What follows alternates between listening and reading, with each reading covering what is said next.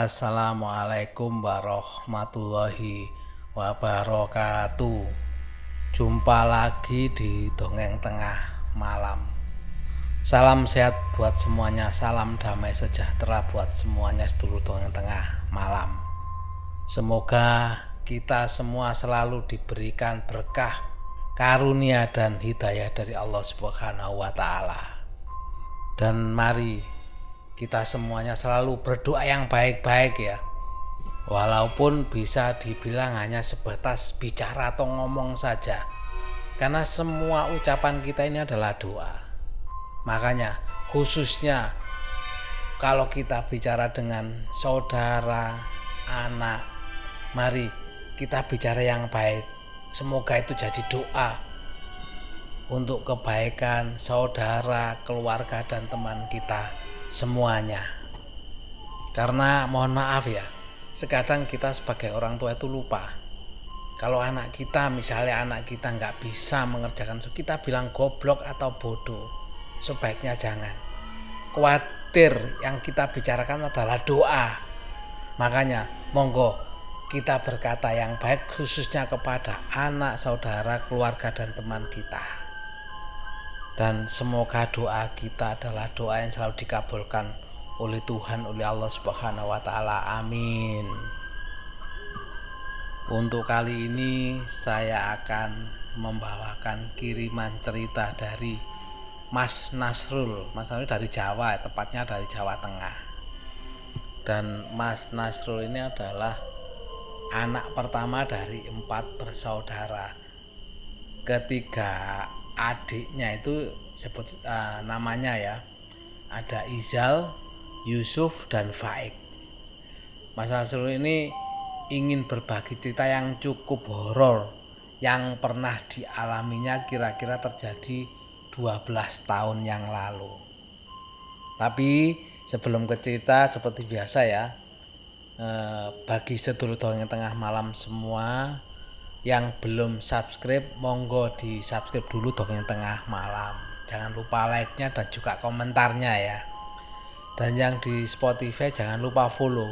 Supaya tetap selalu bisa mengikuti cerita terbaru dari dongeng tengah malam. Langsung kita ke ceritanya Mas Nasrul ya. Tapi sebelum bercerita Mas Nasrul ingin menggambarkan letak dena rumahnya jadi rumahnya Mas Nasrul ini berdekatan dengan stasiun kereta api di Semarang. Di belakang stasiun Tawang tepatnya ya. Lah, dena rumahnya itu kira-kira seperti ini. Rumah ini sebenarnya cukup besar dan pintu masuk utamanya itu menghadap ke timur. Dan untuk areal depan itu ada sebuah ruangan di sisi kiri rumah itu yang disewa oleh seorang dokter untuk praktek dokter begitu masuk dari pintu utama itu terdapat sebuah ruang yang difungsikan sebagai ruang tamu dan disekat oleh sebuah rak kayu yang cukup tinggi hingga hampir menyentuh langit-langit. Mungkin selisih sekitar ya 30 cm lah dari langit-langit itu. Sedangkan di sebelah kanan ruang tamu itu terdapat dua ruangan dengan dua pintu berurutan pintu pertamanya itu adalah kamarnya Mas Nasrul ini, sedangkan pintu kedua adalah kamarnya neneknya Mas Nasrul. Kemudian dilewati eh, setelah melewati rak pembatas ini ada sebuah ruang yang difungsikan untuk ruang TV atau ruang keluarga. Lah, di sisi ruang keluarga adalah pintu masuk samping yang menghadap ke selatan tepat di belakang ruangan tempat praktek dokter yang nyewa tersebut. Kemudian di sebelah kanan ruang keluarga itu ada dua ruangan lagi, yaitu kamar orang tuanya Mas Nasrul ini dan juga kamar tantenya. Lanjut ke ruangan terakhir ya. Di sebelah barat ruangan keluarga yang dibatasi sama pintu dan tembok, yaitu ruang makan plus dapur dan juga kamar mandi di stai sumur. Dapur terletak di sebelah kiri, sementara kamar mandi dan sumur itu ada di sebelah kamar. Jadi itu gambarannya ya. Bisa kira-kira ya penggambaran dari uh, rumahnya Mas Nasrul ini. Sekarang kita lanjut ke ceritanya. Kejadiannya itu sekitar tahun 2008. Pada waktu itu Mas Nasrul sedang menjalani bulan-bulan terakhir bersekolah di sebuah SMA. Artinya Mas Nasrul sedang dalam persiapan menjalani ujian nasional. Tentunya Mas, Mas Nasrul kan nggak ingin gagal dalam ujian nasional nanti. Makanya Mas Nasrul pun belajar sangat giat dan semakin giat. Perlu diketahui ya, sekolahnya Mas Nur adalah full day school yang mulai eh, sekolahnya jam 6.55 atau 7 kurang 5 menit ya. Sampai selesai itu sekitar jam setengah 4. Perjalanan pulang pergi itu memakan waktu satu jam. Otomatis kalau jam setengah 4 sore dari sekolah berarti sampai rumah ya sekitar jam setengah 5 Lah biasanya waktu antara jam setengah lima hingga jam 7 malam Mas Nasri digunakan waktunya untuk istirahat sebentar dan makan malam. Waktu itu sekitar pukul 7 lebih 5 menit lah. Mas Nasrul mulai e, beranjak ke kamar untuk belajar. Seperti penjelasan sebelumnya ya, persiapan untuk ujian nasional. Nah untuk menuju kamarnya dari ruang keluarga artinya kan Mas Nasrul harus berjalan melewati rak pembatas. Ruang keluarga dan kamar neneknya. Baru akhirnya kan ke kamarnya Mas Nasrul ini. Nah, Mas Nasrul belajar beberapa mata pelajar yang siang tadi baru diajarkan. Kemudian mempersiapkan untuk kuis matematika untuk esok harinya. Asal tahu aja ya, Mas Nasrul sebenarnya sangat benci matematika namun kan nggak ingin gagal juga. Akhirnya mau nggak mau ya harus belajar lebih keras. Beberapa waktu kemudian adiknya yang bernama Isal ini masuk ke kamarnya. Lah kebiasaan adiknya ini yang satu ini ya. Dia itu selalu masuk kamar ketika mau tidur. Dalam hatinya Mas lo kok sudah masuk kamar? Apa sudah malam? Setelah dicek ternyata memang benar. Jam sudah menunjukkan pukul setengah sepuluh malam. Artinya Mas Alu kan sudah belajar sekitar dua setengah jam. Setelah melihat adiknya sedang bersiap tidur, otomatis Mas Nasu pun membereskan beberapa buku yang terlihat di atas kasur. E, untuk informasi ya, Mas Nasu ini dan adiknya itu tidur satu kamar dan dalam e, satu dipan yang sama. Izal yang masih melihat masih berjibaku dengan soal matematika yang begitu susahnya ya, memberitahukan sesuatu. Mas, buruan tidur udah malam. Sudah sholat kan? Kata Izal. Ya ini lagi tanggung, dikit lagi. Susah amat sih, setan bener umpatnya Mas Nasrul ya kepada adiknya. Hus mas, udah malam loh, nggak baik ngomong gitu ah. Iya iya, habis susah sih ya udah. Sebentar mas mau bersih bersih dulu setelah bilang ke adiknya seperti itu, Mas Nasrul pun meninggalkan kamar. Kondisi saat itu ruang tamu sudah dimatikan lampunya. Namun ruang keluarga lampunya tetap menyala karena e, dilihat Mas Nasrul, bapak sama ibunya itu masih ada di situ berbincang-bincang. Namun sepertinya mau beranjak ke kamar juga karena Mas juga melihat bapak sedang mematikan TV ketika Mas Nasu akan membersihkan diri. Kok belum tidur? Tanya ibunya. Iya, baru selesai belajar soalnya susah. Ya udah, buruan tidur ya. Gak baik tidur malam-malam. Dibilangin ibunya seperti itu otomatis Mas Nasu hanya mengganggu dan berlalu gitu aja untuk menuju ke kamar mandi. Lah, pas eh, mau membuka pintu pembatas antara ruang keluarga dan dapur. Nggak tahu kenapa tiba-tiba Mas Nasrul ini merasa dek. Karena pada waktu itu Mas Nasrul merasakan ada hawa yang berbeda. Bukan karena angin yang sedikit lebih dingin dari biasanya ya. Itu hal lumrah. Hawa yang Mas maksud adalah kondisi saat malam itu lebih hening dari biasanya tidak ada angin, tidak ada suara hewan, bahkan seakan-akan malam itu semuanya itu seperti berhenti di luar. Perlu diingat ya bahwa rumahnya Marno dekat dengan stasiun yang mana seharusnya kan ramai. Namun tetap saja keheningan malam itu rasanya itu luar biasa menurut Mas Nasrul. Dan yang terdengar itu hanya suara musik sambutan dari stasiun yang terdengar lama-lama ya seolah hanya sebagai soundtrack penambah kengerian di film-film horor. Uh, Mas Nasur mengistilahkan ya. Dan perasaannya mengatakan bahwa ada yang salah malam itu. Dan juga nggak tahu kenapa bulu kuduknya Mas Nasur ini e, merinding pada saat mau menuju ke kamar mandi. Karena kan harus melewati sebuah tempat yang paling dibenci sama Mas Nasrul yaitu sumur timba. Mas Nasrul pun buru-buru ke kamar mandi dan membersihkan badannya ini ya, sekenanya, pokoknya secepat-cepatnya lah supaya segera cepat keluar dari ruangan belakang itu kamar mandi dan dapur itu. Setelah selesai bersih-bersih diri, Mas Nar pun segera segera melang, mengambil langkah cepat ya sedikit berlari untuk ke, ke kembali ke kamarnya. Sampai-sampai Mas Nasun hampir terpeleset di dapur tepat sebelum memasuki ruang keluarga. Walaupun begitu, Mas Nasrul masih tetap mempercepat langkahnya supaya segera eh, sampai di kamar. Tetapi sebelum masuk ke kamar, Mas Naswi merasa seperti ada yang memanggil. Shh, shh. Tanpa nama hanya nada shh.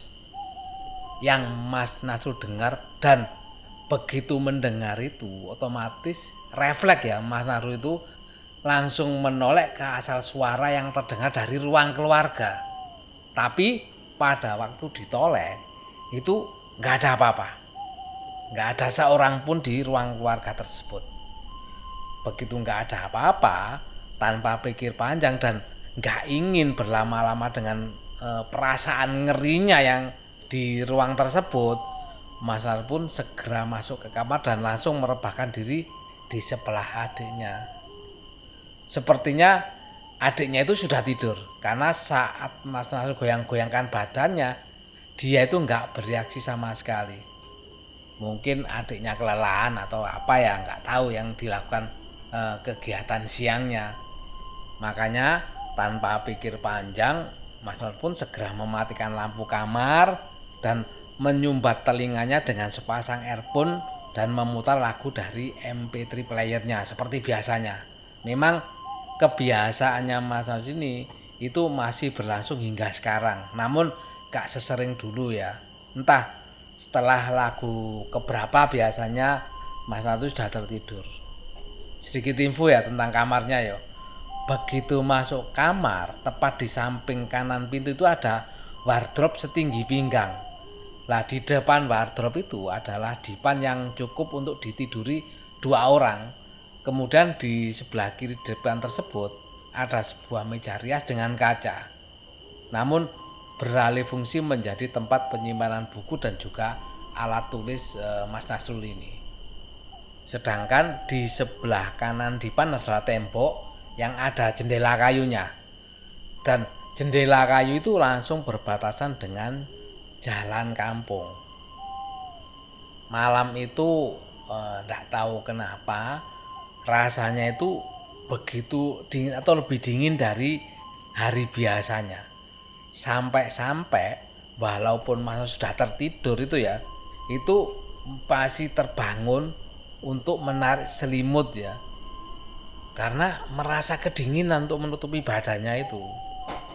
Sesuatu yang aneh menurut Mas Nasrul karena biasanya walaupun cuaca sedingin apa pun Mas Nasrul selalu tertidur pulas. Bahkan cuaca dingin tuh biasanya itu menambah pulas tidurnya Mas Nasrul ini. Lah pada waktu menarik selimut kan Mas Nasrul menarik selimutnya pakai kakinya. Karena memang masih ngantuk ya dan makanya malas untuk bangun narik dengan tangan. Makanya cukup menarik pakai kakinya untuk menutupi sebagian badannya merasa dingin. Kemudian lanjut tidur lagi. Lah pada waktu itu pada waktu menarik selimut itu kondisinya kan otomatis masih setengah sadar karena otomatis kan masih ngantuk ya. Dan menarik selimut ini karena dingin kan gak cuma sekali. Itu beberapa kali sampai Mas Nandri sadar bahwa ada sedikit berbeda dengan kamarnya. Posisinya saat itu Mas Nandri kan sedang berbelakangan dengan adiknya. Punggungnya itu saling berhadapan. Artinya saat itu Mas Naru menghadap ke meja rias dengan kaca dan artinya juga Maro bisa melihat apa yang ada di belakangnya dilihat dari kaca tersebut. Masih belum sadar penuh ya e, karena juga ditambah agak ngantuk apalagi sudah tengah malam Mas Naru melihat dari kaca itu kan bisa melihat belakang ya yang seperti tadi Mas Naru melihat jendela dengan tirai yang semuanya tersingkap. Namun tetap dengan daun jendela yang tertutup. Sebenarnya nggak berguna juga sih adanya tirai di situ. Begitu sih pikirnya uh, masa saat itu ya setengah sadar ya. Suasana malam tuh masih terasa begitu hening, dingin dan juga entah nggak ada hewan malah yang bersuara sama sekali. Kecuali suara sambutan dari stasiun yang tadi ceritakan. Namun tiba-tiba ada yang menarik matanya Mas Nasrul ini dan juga ada sebuah perlawanan dalam kepalanya Mas, Nas, Mas Nasrul ini ya. Kalian tahu kan kalau mata manusia itu memiliki kemampuan untuk mengatur intensitas cahaya yang masuk sehingga kita bisa melihat objek dalam gelap walaupun tidak seperti burung hantu sih katanya Mas Nasrul. Mas Nasrul teringat betul bahwa Izal adiknya saat itu tidur di sampingnya. Saat diraba sama Mas Nasrul, ya memang dia masih ada di situ membelakangi Mas Nasrul. Entah kenapa, dia itu merasakan dorongan kuat hanya menggerakkan kakinya saja untuk memeriksanya bahwa dia masih di sana. Kemudian satu hal lagi ya, mungkin kalian kan pernah ada yang melihat film horor dan menemukan momen bahwa si pemain mendapatkan firasat untuk tidak menuju ke suatu tempat. Tapi kemudian ia tetap nekat menuju tempat itu, entah karena rasa penasarannya atau apa pun lah itu. Dan hal itu selalu berakhir buruk. Ya, itulah yang terjadi kepada Mas Nasrul ini ya. Mas Nasrul ini melihat ke kaca di mana dari situ itu bisa melihat korden yang berada di ujung jendela.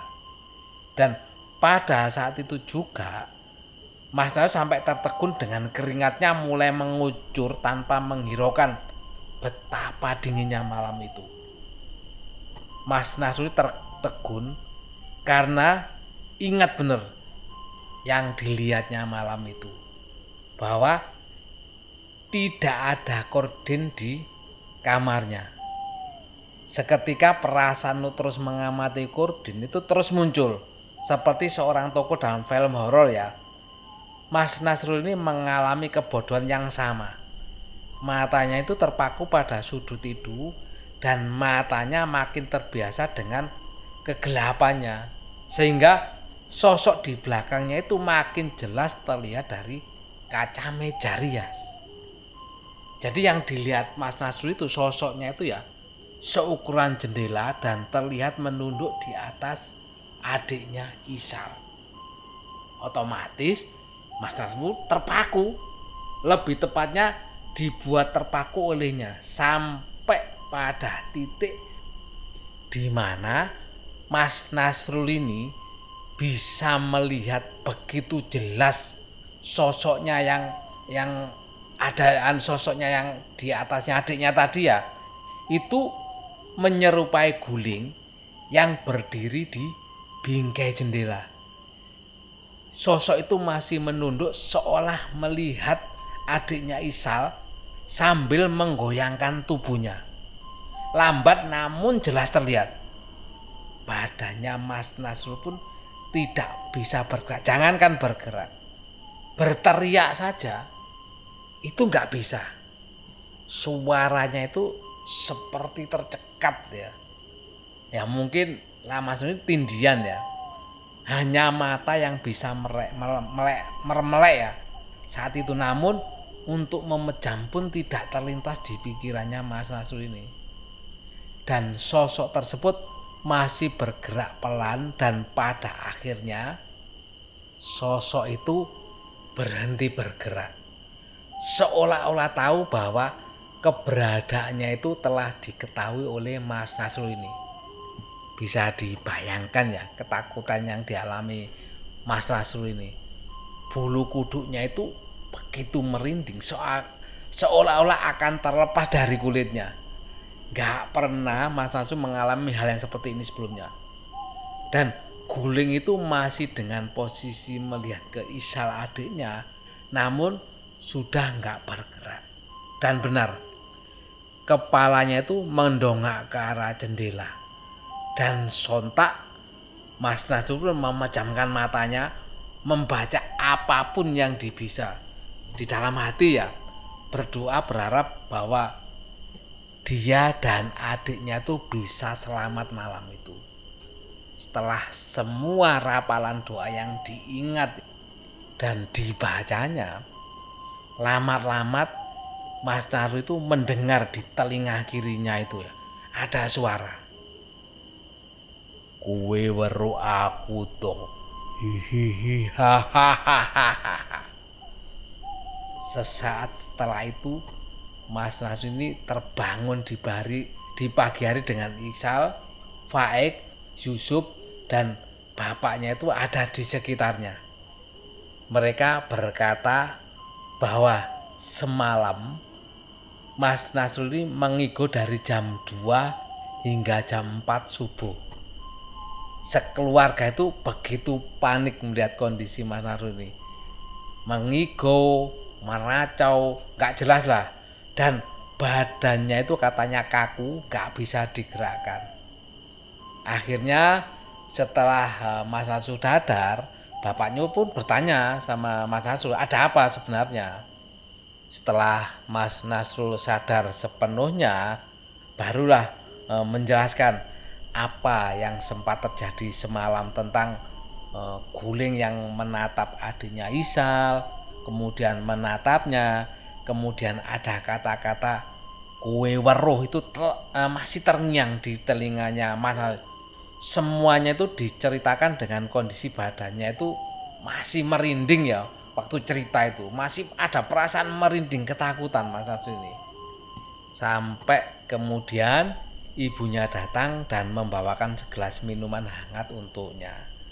Dan menasehati Mas Nasrul ini ya untuk tidak berkata yang tidak-tidak di kamarnya Mas Nasrul tersebut. Karena memang kamarnya itu adalah termasuk kamar yang paling tua. Dan memang kondisinya itu yang paling lembab dari kamar-kamar lain. Sekalipun sudah eh, dibersihkan sedemikian rupa ya, sehingga kondisi yang demikian tuh mungkin ya menarik mereka yang tak kasat mata untuk mendekat atau bahkan tinggal di kamar tersebut. Mungkin juga makhluk itu terganggu saat e, Mas Nasrul ini ya menyerapah ya atau berkata-kata yang nggak e, sopan ya atau merasa terganggu saat Mas Nasrul nggak sengaja melihatnya. Tapi semua itu nggak ada yang tahu. Yang pasti setelah kejadian itu kamar itu sama Mas Nasru dikosongkan dan nggak pernah untuk ditempatinya lagi. Itu tadi akhir cerita dari Mas Nasrul ya. Bukan main. Saya sampai sempat merinding ya. Pada waktu eh, ada suara yang didengar sama Mas Nasrul tadi kue weruh aku to hihihihi hahaha. Saya sampai merinding. Mendengarkan suara itu bagaimana?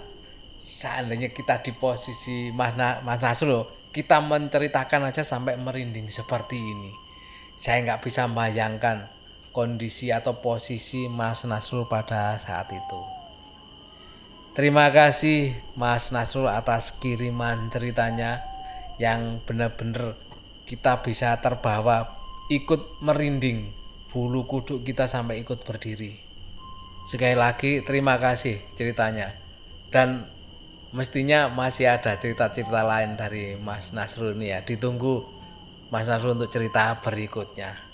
Dan untuk sedulur dongeng tengah malam kalau ingin berbagi cerita seperti Mas Nasrul ya bisa kirim via email emailnya dongeng tengah malam at gmail.com monggo kalau ada yang mau berbagi cerita tidak lupa saya ucapkan terima kasih kepada seluruh pendengar dongeng tengah malam, sedulur dongeng tengah malam semuanya ya. Saya ucapkan terima kasih telah selalu setia mendengarkan cerita dari Pak Adi Alvan. Dan juga terima kasih atas komentar yang diberikan.